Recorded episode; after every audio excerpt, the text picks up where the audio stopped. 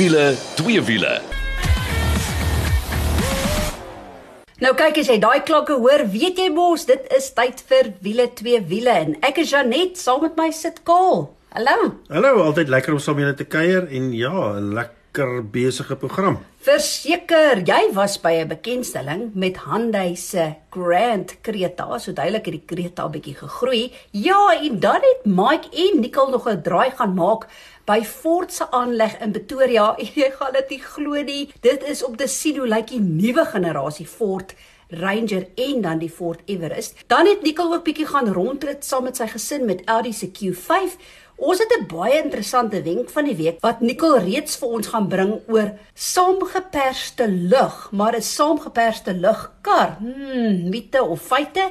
En dan vir twee wiele het ons nou regtig die oplossing vir jou wanneer dit kom by brandstofverbruik. En dit is twee wiele. En ons gaan bietjie met Brian Chain gesels oor 'n artikel wat hy reeds geskryf het vir Marula Media. So dit is alles waarna jy kan uitsien. Maar meneer Kritzinger, jy was by Hyundai se Creta, maar nie net die gewone Creta nie, die Grand Creta. Ja, Hyundai is bietjie op 'n rol en uh, dis 'n handelsmerk wat vir ons sekere goed doen in ons land en is altyd lekker om te sien. Ons is almal so gewoond aan die tradisionele handelsmerke en hulle is ook een. Ek wil ek wil nie eers meer Verseker. sê jy weet dit Hyundai Koreaans is definitief een, maar daai 7 jaar 200 000 km waarborg van hulle is fenomenaal. En uh, ja, so rukkie terug het ons gesels oor die Tucson wat baie gewild is, maar nou nog 'n model. 5 jaar terug het die Creta vir die eerste keer in Suid-Afrika aangekom en uh, ja, dit was 'n uh, een sukses storie. op terug. Dit is al 5 jaar, kan jy dit Ja. glo? En nou het hulle besluit, weet jy wat, die mense soek mos altyd ietsie meer. En uh, ons Suid-Afrikaners het soos die res van die wêreld baie lief geraak vir SUVs en hulle het besluit, jy wat,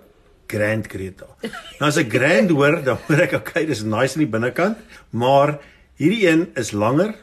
Ja. Hy het twee ekstra sitplekke. O, So dis 'n goeie ding. Dis fantasties. So ewe skielik het jy nou 'n Creta wat uh weet reg is vir sewe mense en ek dink dit is die groot ding en saam met die ekstra lengte is op meter rygemak soos die Tucson wat ek ook uh jy weet 'n paar weke terug genoem het is die Creta se rygemak ongelooflik. En weet wat daai grondvrye hoogte die ry op die grond was nou maar net bitter lekker geweest. Die lekker ding van die Hyundai Genet moet jy altyd verstaan is dat hulle gelaai is met spesifikasies. So as jy appels met appels vergelyk nou hoe dit werk is Baie keer koop jy 'n kar en dan het hy 'n klomp goed nie in hom as standaard nie. So die prys lyk goedkoper, maar die kar self as jy byvoorbeeld 'n groot raakskerm soek of as jy ekstra lugsakke soek of as jy park distance control soek, dan moet jy betaal daarvoor. Ja ja, ek vat ons gaan net nou met Nicole gesels. Net alles wat ekstra gelaai was soos op daai Audi was oor die 300 000 rand. So, Ja, en hier kom hierdie Grand Creta en uh, weet Hyundai is besig uh, om om uh, groot tree te gee as dit kom by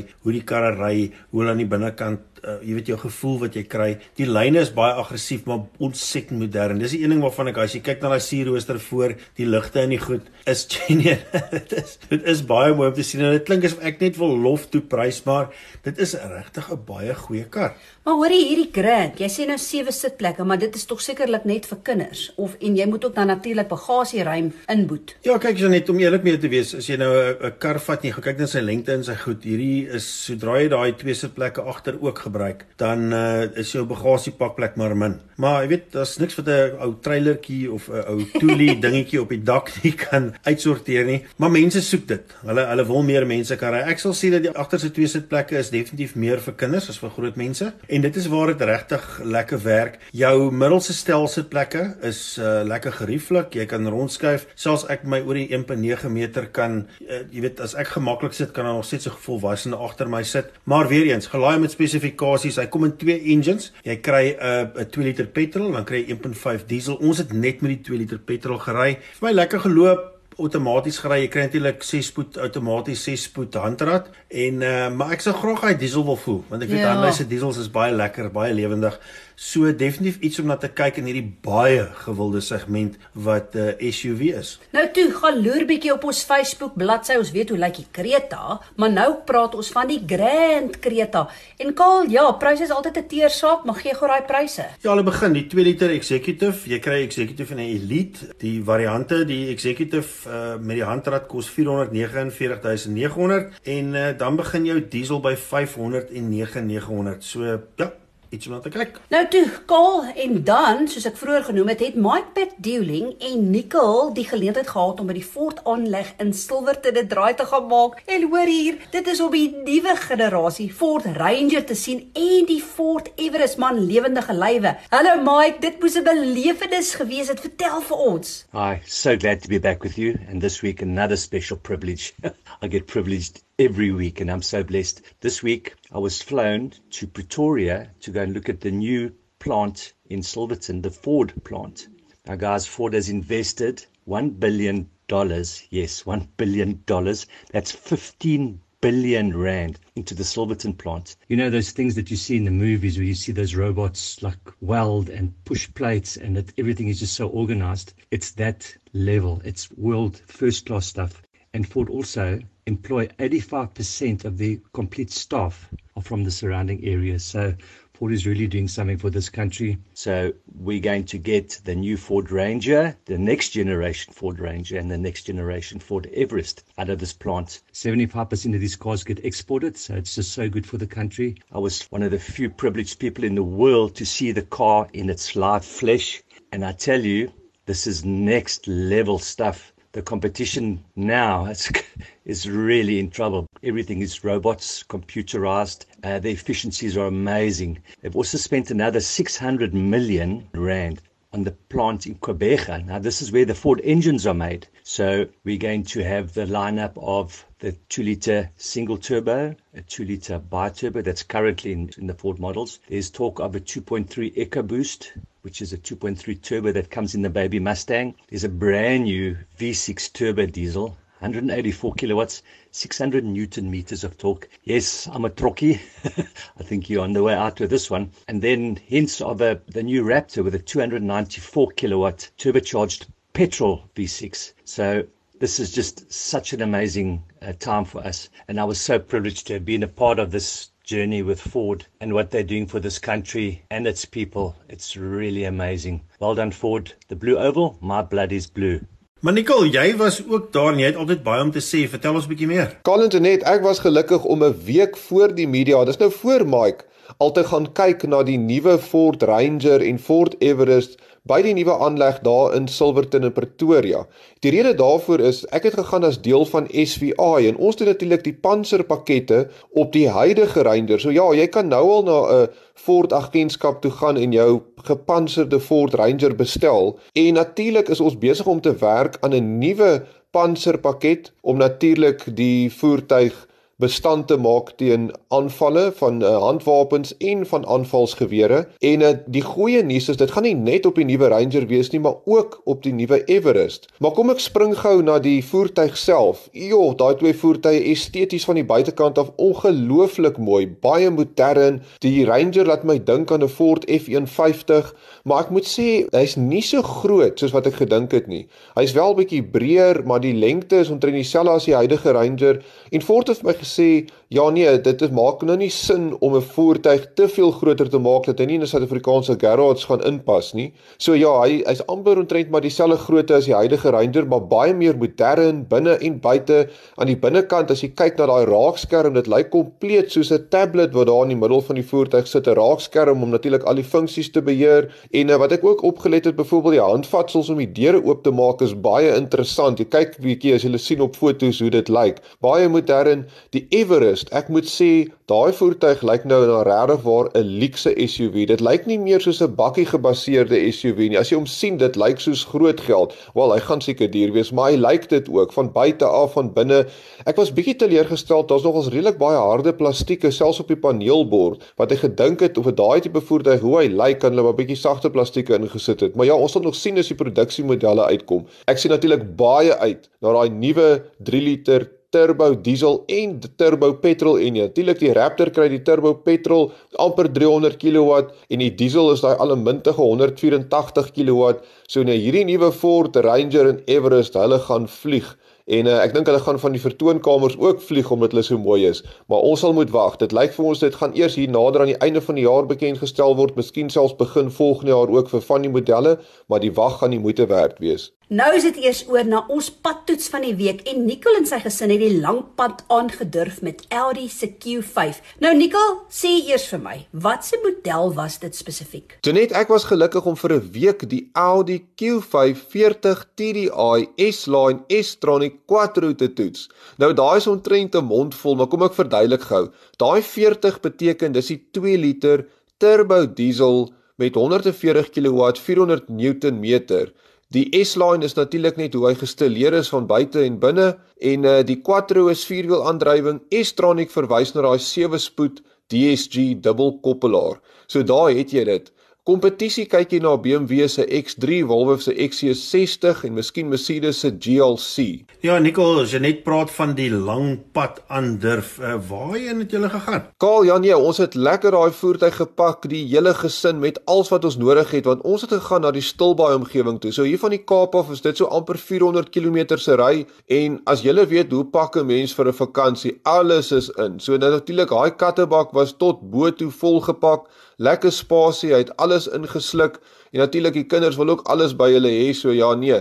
Hy was volgelaai geweest en ons het hierso op die pad geklim N1 en oor na die N2 toe. En natuurlik daar is natuurlik baie van daai heuwels op en af en ek het baie mooi by die spoedgrens gehou. En dit het my baie voordele ingehou Kaal want die brandstofverbruik toe ek aan die ander kant aankom was 'n suiwige 6.5 liters per 100. Kan jy glo vir hierdie voertuig volgelaai en die mense sê diesel is dood. Ek wil vir jou sê met hierdie brandstofprys wat ons nou het, is diesel verseker die antwoord as dit kom by brandstofekonomie. Nou kyk as jy so lank pad ry, dan kry jy 'n lekker gevoel oor die kar. So ek wil graag weet, hoe was die rit en veral dan die hantering van die voertuig? Tonet, ek moet sê hierdie voertuig is regtig waar een van daai voertuie wat net gemaklik is om mee saam te leef. Die rit is gemaklik, alles werk. Daai instrumentpaneel, daai raakskerm is alles waar jy wil hê. Ek hou natuurlik van Audi se binnekant. Dis my een van die stylvolste maniere hoe dit uitgelê word. Daar's genoeg knoppies ook sodat jy nog steeds die knoppies kan druk wat jy byvoorbeeld volume wil harder en sagter sit. Dis nie net alles raakskerms nie.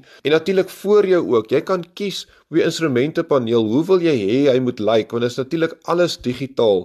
Hanteringsgewys, dis natuurlik nie 'n sportmotor nie. Hy het nie so baie krag ook nie, maar hy hanteer goed. Hy gaan goed deur die draaie en ek soos ek sê vir 'n familievoertuig wat op vakansie wil gaan, ideaal. Nikkel, ja, nee, dis 'n teer saak, maar uh, kom ons gesels so 'n bietjie prys. Kaal nou hier lê die groot probleem en ek dink die argument gaan vir die meeste luukse karre daar buitekant, veral die luukse karre wat daar van Duitsland se kant af kom.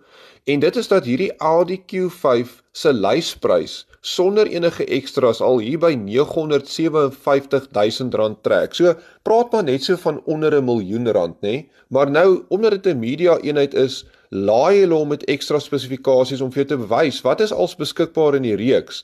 Nou om jou idee te gee, hierdie Q5 het 360 000 rand se opsies opgehad wat beteken dat die totale prys van hierdie kar by die 1.3 miljoen rand wees. Nou, ek sou vir jou sê alhoewel dit 'n fantastiese voertuig is, as jy by iemand gaan stop, kan ek nie dink daai persoon sal kan raai hierdie voertuig is 1.3 miljoen rand nie. So dis bietjie vir my 'n probleem. As ons kyk na die opsies wat hulle geïnstalleer het, Daai pragtige 20 duim wiele is oor die 30000 rand as jy daai opsie klik.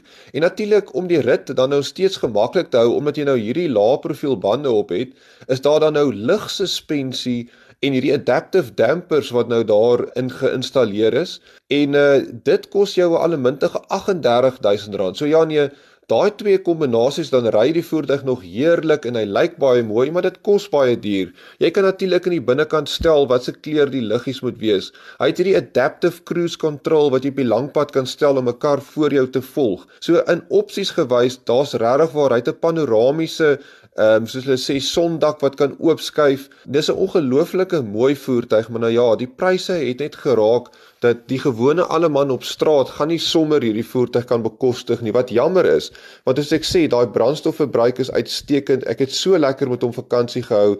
Dis maar net my bankbestuurder wat met my gaan kla as ek na hierdie ene kyk. Nou dis al vir die eerste helfte van wiele twee wiele. Hoorie bly ingeskakel want ons gesels oor die tweede helfte mite of feite en dan wat wel jou brandstof brandstofverbruik sal help. Ja, en as jy 'n vlekvrye stal uitlaatstelsel soek al uh, as jy hom wil stilhou of as jy so 'n bietjie weer jou kar moet praat, moet jy definitief 'n draai gemaak by Powerflow Belwel. Hulle kyk na alles wat jy nodig het. En uh, weet jy wat, dis nie net 'n jaar waarog nie, dis sommer 5 jaar. So 'n uh, vir beter werkverrigting, brandstofverbruik en al Spelflow Belwel, dis die plek vir jou. En is so maklik soos www.belflowbelwel.co.za. As jy nou net ingeskakel het, dit is wiele, twee wiele. Dis tyd vir ons wenk van die week, maar moenie vergeet nie, later is dit twee wiele, maar kom ons gesels eers wenk van die week. Nicole Het jy al gehoor van 'n saamgeperste lugkar? Ja, ek het een gehad toe ek klein was, ja. het 'n uh, um, as 'n seentjie kon jy 'n karretjie gekry het met so 'n lugbabbel agterop, dit gelyk soos 'n plastiek watertankie. Ja? En dan pomp jy met 'n pompie op en as jy hom uittrek dan ry hy. Dan motor hy. So, jy sien nie weet nie, maar uh, ja, ek het al daarvan gehoor in die 80's al. Toe, Nicole gaan nou reeds vir ons vir sy wenk van die week bietjie meer vertel, maar die vraag is eintlik 'n saamgeperste lugkar. Is dit feite of mite?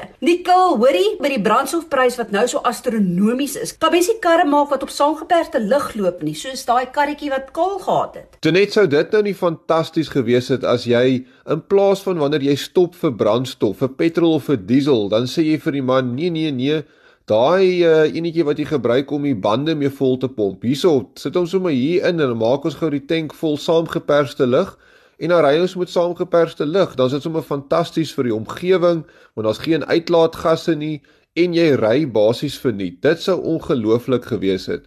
Maar Janet, Daar's natuurlik 'n paar probleme met hierdie mite. Nee man, Nikkel, dit klink vir my soos 'n ideale oplossing. Wat is die probleme dan? Kaal, so eerste as jy gaan kyk na die saamgeperste lug, ehm um, hoeveel energie is daar nou regtig in saamgeperste lug? En jy vergelyk dit met byvoorbeeld jou brandstof in jou petroltank of jou diesel of jou petrol, dan is dit 'n fraksie van die energie. Om jou idee te gee, die wêreldrekord vir afstand vir 'n kar wat op saamgeperste lug loop. En dit is nie eers 'n regte kar nie. Dis amper half so 'n 3-wiel uh, trapfiets tipe ding was net so oor die 3 km. En ek wil dis nou as hulle probeer om regtig vir afstand te gaan.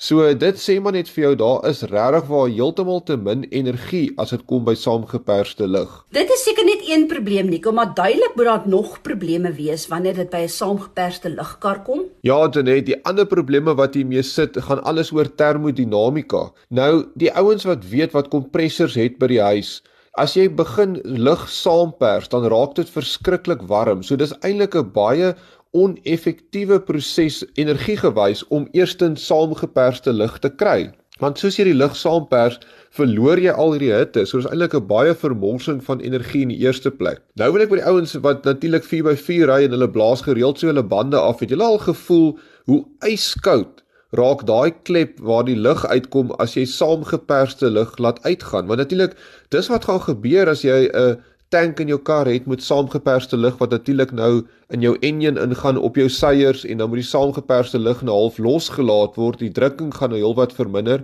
dan gaan jy daai temperatuur natuurlik val en dit val so skerp as dit kom by die drukke wat jy gaan nodig hê dat daai enjin as daar enige waterdamp in die lug is, gaan daai waterdamp onmiddellik vries en daai enjin gaan eintlik dan nou 'n blok ys raak en glad nie meer kan werk nie. So termodinamika sê vir ons dis baie oneffektief om die lug saam te pers uit 'n energieoogpunt en dan weer eens sit jy met daai probleem van daai um, afkoeling wat gaan maak dat die enjin gaan ys. So ongelukkig in daai twee opsigte gaan dit glad nie kan werk nie. Maar Nicole sê sekerlik moet daar gadgets of allerlei snaakse goed wees wat kan help met brandstowwe gebruik. En ek onthou so 'n paar jaar terug was daar magnete en allerlei goed wat die mense opgesit om jou te help. Werk dit of werk dit nie? Kaal, ek is nou jammer om vir ons luisteraars daar buite te sê dat Al hierdie foefies wat 'n mens kan kry wat die brandstofverbruik kan verbeter, is natuurlik alles vals en ek is seker van nou wat die brandstofpryse opskiet, gaan ons weer hierdie goeder sien. Um, om 'n paar voorbeelde te noem, jy kry hierdie magnete wat die ouens vir jou wil verkoop wat jy om die petrollyn gaan sit en dit gaan nou die atomiese struktuur van die brandstof so verander dat jy nou baie beter verbranding gaan kry. Absolute snert. Dan is daar ook die tipe van 'n ding wat soos 'n waaiertjie lyk wat jy by jou inlaat sit en hulle sê o, die lug gaan nou so fantasties draai as dit hier verbykom, dan gaan jou brandstofverbruik fantasties verbeter. Nee nee nee, los maar daai dingetjie ook uit. En laastens hoor jy van hierdie bymiddels wat jy in jou tank moet ingooi. Sê hulle man, jy gooi net bietjie van hierdie paar druppels van hierdie in jou tank en kyk kyk sommer 'n liter per 100 gaan jy beter doen. En ons het sommer 'n klomp mense wat ook sal inskryf en sê hoe het hulle nou brandstof gespaar met hierdie bymiddel. Al daai goedjies is foefies om geld uit jou bankrekening uit in hulle sin in te kry. So wees asseblief versigtig hiervoor. In my vorige lewe by Kaart tydskrif het ons daai toetse gedoen op 'n dinamometer met 'n enjin wat onder 'n uh, laboratorium toestande al daai tipe van foefies getoets het. En daar was absoluut geen verskil in die brandstofverbruik nie. Presies dieselfde siklus presies dieselfde omstandighede met en sonder hierdie foefies. So asseblief mense hou maar net julle geld vas. Die beste manier is ry meer konservatief ry eintlik maar net stadiger ry minder. Dis die beste manier om brandstof te spaar. Nie om geld uit te gee aan hierdie tipe foefies nie. En ongelukkig die kar wat op gekompresde lug gaan loop, dit sal ongelukkig nie gebeur nie. Nou toe, dis wat ons wenk van die week betref mite of feite, maar as jy nou regtig wil weet wat jou brandstofverbruik kan help, is dit natuurlik twee wiele. En ons het bietjie vir Brian Chain nader getrek. Hy het nou onlangs sy been geswaai oor Yamaha se MT-03 en ons gaan bietjie met hom gesels oor wat werklik jou brandstofverbruik kan help. Baie dankie vir die uitnodiging en baie dankie dat ek kan saamgesels. Ja, ek sien daar's baie grappies wat nou die rondte doen oor die duur brandstof en jy kan sien dit dit druk maar swaar op ons land se gemoed. Maar jy weet ek probeer al vir baie lank om mense op motorfietsse te kry en as die hoë brandstofprys my gaan help om daai doel te bereik, dan net daar darm iets goeds hier uitgekom. Nou Brian, jy het 'n uh, onlangs 'n artikel geskryf oor Yamaha se MT-03 of O3 en daar het jy spesifiek melding gemaak van hoe kan jy jou brandstofgebruik halveer? Wel, afhangende van wat jy ry, kan dit selfs meer wees. Ek het van die veronderstelling uitgegaan dat hierdie klein kapasiteit motorfietsie so 20-25 kg per liter gee en 'n kar jou so 10 kg per liter.